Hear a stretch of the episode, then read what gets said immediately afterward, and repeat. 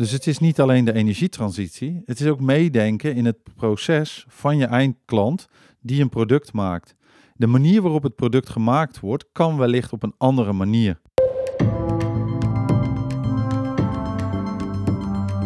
Opwekking van voldoende hernieuwbare energie is uitdaging nummer 1 in de energietransitie. En waar gaan we dat dan doen?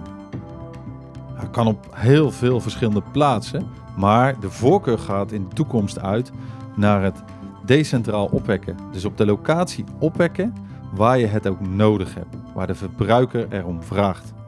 Doen we dat al? Nou, onvoldoende. En daar zijn we voor aan het werk. Daar wordt aan gewerkt. Dat is de toekomst. En waarom is dat een voordeel? Nou, het is een voordeel. Omdat je dan minder distributielijnen en transportlijnen nodig hebt. Dus de energie transporteren en, en distribueren, eh, daar komen verliezen mee. En dat duurt lang. En er zijn niet genoeg grondstoffen en mensen om het allemaal te realiseren. Hele net is aan het vollopen, ja, toch? precies. Dat is, Ja, dat is letterlijk net aan het vollopen. Ja. Want het Ja. gaat niet alleen over elektrische energie. Het gaat ook over warm water. Het gaat ook over de verwarming. Het gaat over het uitwisselen van warmtestromen. En wat is dan het probleem? Als je decentraal eh, energie wilt opwekken, hè, zo heet dat. Dus naast eh, een grote verbruiker. Ja. Wat zijn dan, wat zijn dan de, de voorwaarden waar je dan aan, aan moet voldoen? Wat is er nodig om dat te kunnen doen? Poh, ja, je moet, je, eh, die verbruiker moet eh, dat eh, willen op de eerste plaats. Hij moet, hij of zij moet begrijpen dat dat mogelijk is. Hij moet er de ruimte voor hebben om dat te doen. Hè? Eh, en hij moet het willen investeren. En het moet passen in de ruimte. Kijk, als, als jij natuurlijk eh, zoveel gigawatt elektrisch verbruikt.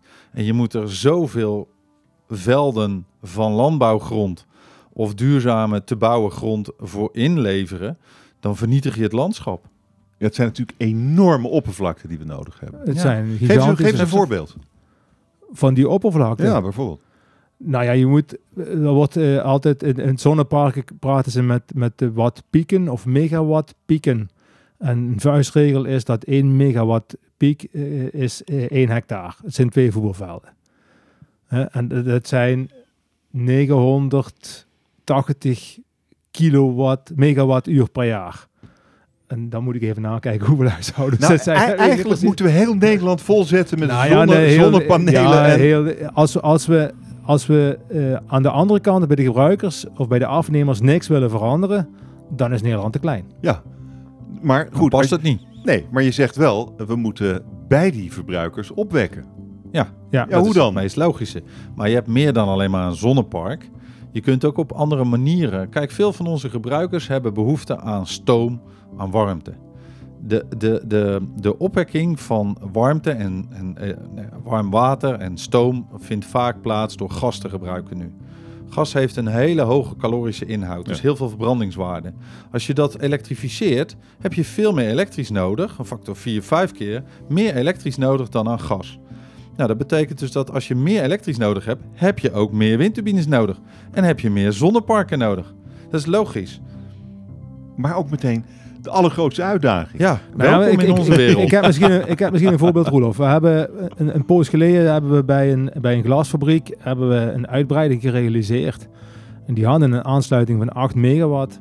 En eh, nou, die hebben een verduurzamingsstapje gemaakt. Door met eh, elektro, eh, elektriciteit eh, een oven nog meer te verwarmen. Hè. Dus zo'n glasoven is ook gasgestookte bak vol met glas eigenlijk. En die hebben vijf ovens gas of, of glasovens. En we hebben dat net verzwaard van 8 naar 12 megawatt. En is klaar. Meer kan de netbeheerder niet leveren op die locatie. Als zij die vijf ovens willen verduurzamen, hebben ze 30 megawatt per oven nodig. Per oven. Hè? Ja, of Per- elektrificeren. Hè? Per Dus oven. per oven. Dus dat dus je is... pra- praat over 150 megawatt. Wat ze nodig Hoeveel voetbalvelden was het ook alweer? Ja, ja, Krankzinnig d- veel. Ja, Hansen. Dat Oké. gaat niet gebeuren. Eh, dus dit is heel erg moeilijk. Hoe, hoe is dat op te lossen? Ja, dat, dat is een lastige. De industrie eh, heeft daarnaast naast verduurzaming ook de opdracht om zichzelf nu uit te vinden. Kijk, je, je- kunt eh, de, de producten die we nu maken in de toekomst niet meer maken op de manier zoals we dat nu doen. Het gaat gewoon niet. Nee. nee dus je Het- moet... dat- dat- want dan zou de energiebehoefte niet afnemen, namelijk. En dat is wel een voorwaarde om die energietransitie te laten lukken. Dus het is niet alleen de energietransitie, het is ook meedenken in het proces van je eindklant die een product maakt. De manier waarop het product gemaakt wordt, kan wellicht op een andere manier, met andere vormen. Het voorbeeld wat uh, Gulpen heeft gedaan om zijn bierbrouwerij op een andere manier te verwarmen, het proces, dat, heeft, dat draagt ertoe bij dat je dan 95% minder aardgas gebruikt. Wel meer elektrisch, maar per saldo nog steeds een energietransitiebesparing doorvoert. En dat zijn de voorbeelden waar wij een bijdrage aan leveren. Oké, maar wat voor oplossingen voor de iets verdere termijn heb je dan? Uh, want al die voetbalvelden vol met zonnepanelen is dus eigenlijk geen optie. Nee, dus er wordt uh, heel veel innovatie toegepast om vernieuwende, opwekkende eenheden te maken die lokaal kunnen worden geïnstalleerd, zodat je kan voldoen aan de energievraagstukken en behoeften op het gebied van warmte. Want veel elektrisch wordt gebruikt om warmte te maken. Als je dat dan op een andere manier kan doen, en een van de voorbeelden is bijvoorbeeld een biomassacentrale, een, vergis, een vergassingsinstallatie, een pyrolyseinstallatie of een ander type warmtepomp op het gebied van een rotatiewarmtepomp. Het zijn hele andere vernieuwende modules die kunnen worden toegepast bij die lokale entiteit, bij die lokale stadswijk, bij die industriepark. en die wekken uiteindelijk het vermogen op, mede op, bij wat je uiteindelijk wil hebben. Het zal nooit zo zijn dat je alles kan uitzetten op het gebied van de energietransitie van het elektriciteitsnet of het bestaande warmtenet of het bestaande gasnet. Maar we gaan met elkaar heel veel reduceren de komende jaren. En wanneer zijn we daar? Want dit is een lange weg. Ja, dat is een hele goede, moeilijke vraag. Maar uh, we zijn met elkaar onderweg om die verduurzaming te realiseren. Om te werken naar 2030, hè, waarbij we met elkaar hebben afgesproken dat we energie-neutraal uh, de portfolio's en de producten willen maken. Ja, 30 is, dat is over een paar jaar. Ja, dat is zo. Ik ben het helemaal mee eens. Overmorgen. Maar daarom zitten we hier. daarom zitten we hier om iedereen mee te maar, nemen. Maar wat, wat, wat, wat, wat is dan jouw grootste uitdaging nu? Nou, de, ik, ik, ik heb Jullie bedenken al die dingen. Ja, wij bedenken. Nou, wat wij, wat wij als SPI realiseren, is dat wij heel veel kennis van de bestaande installaties hebben, de bestaande markt, maar ook van de vernieuwende productportfolio's.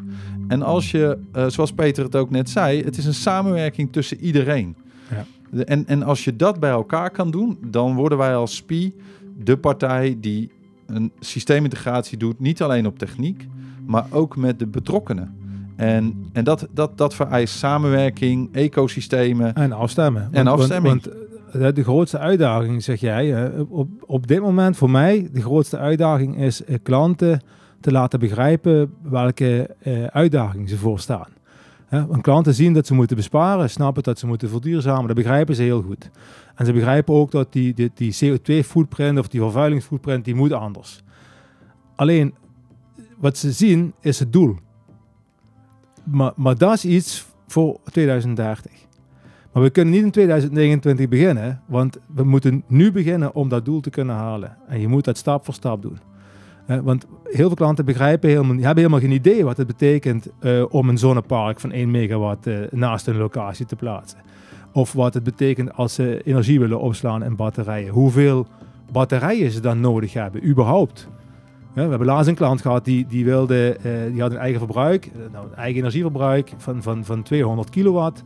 En die wilde dat in uh, 48 uur in batterijen kunnen, kunnen als noodstroom voorzien.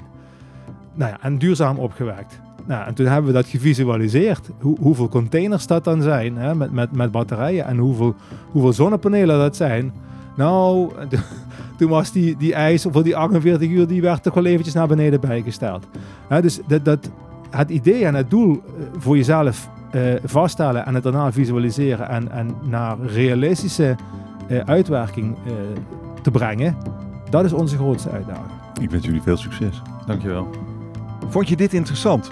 Fijn, want we hebben nog meer korte podcast over de energietransitie om je kennis te verdiepen.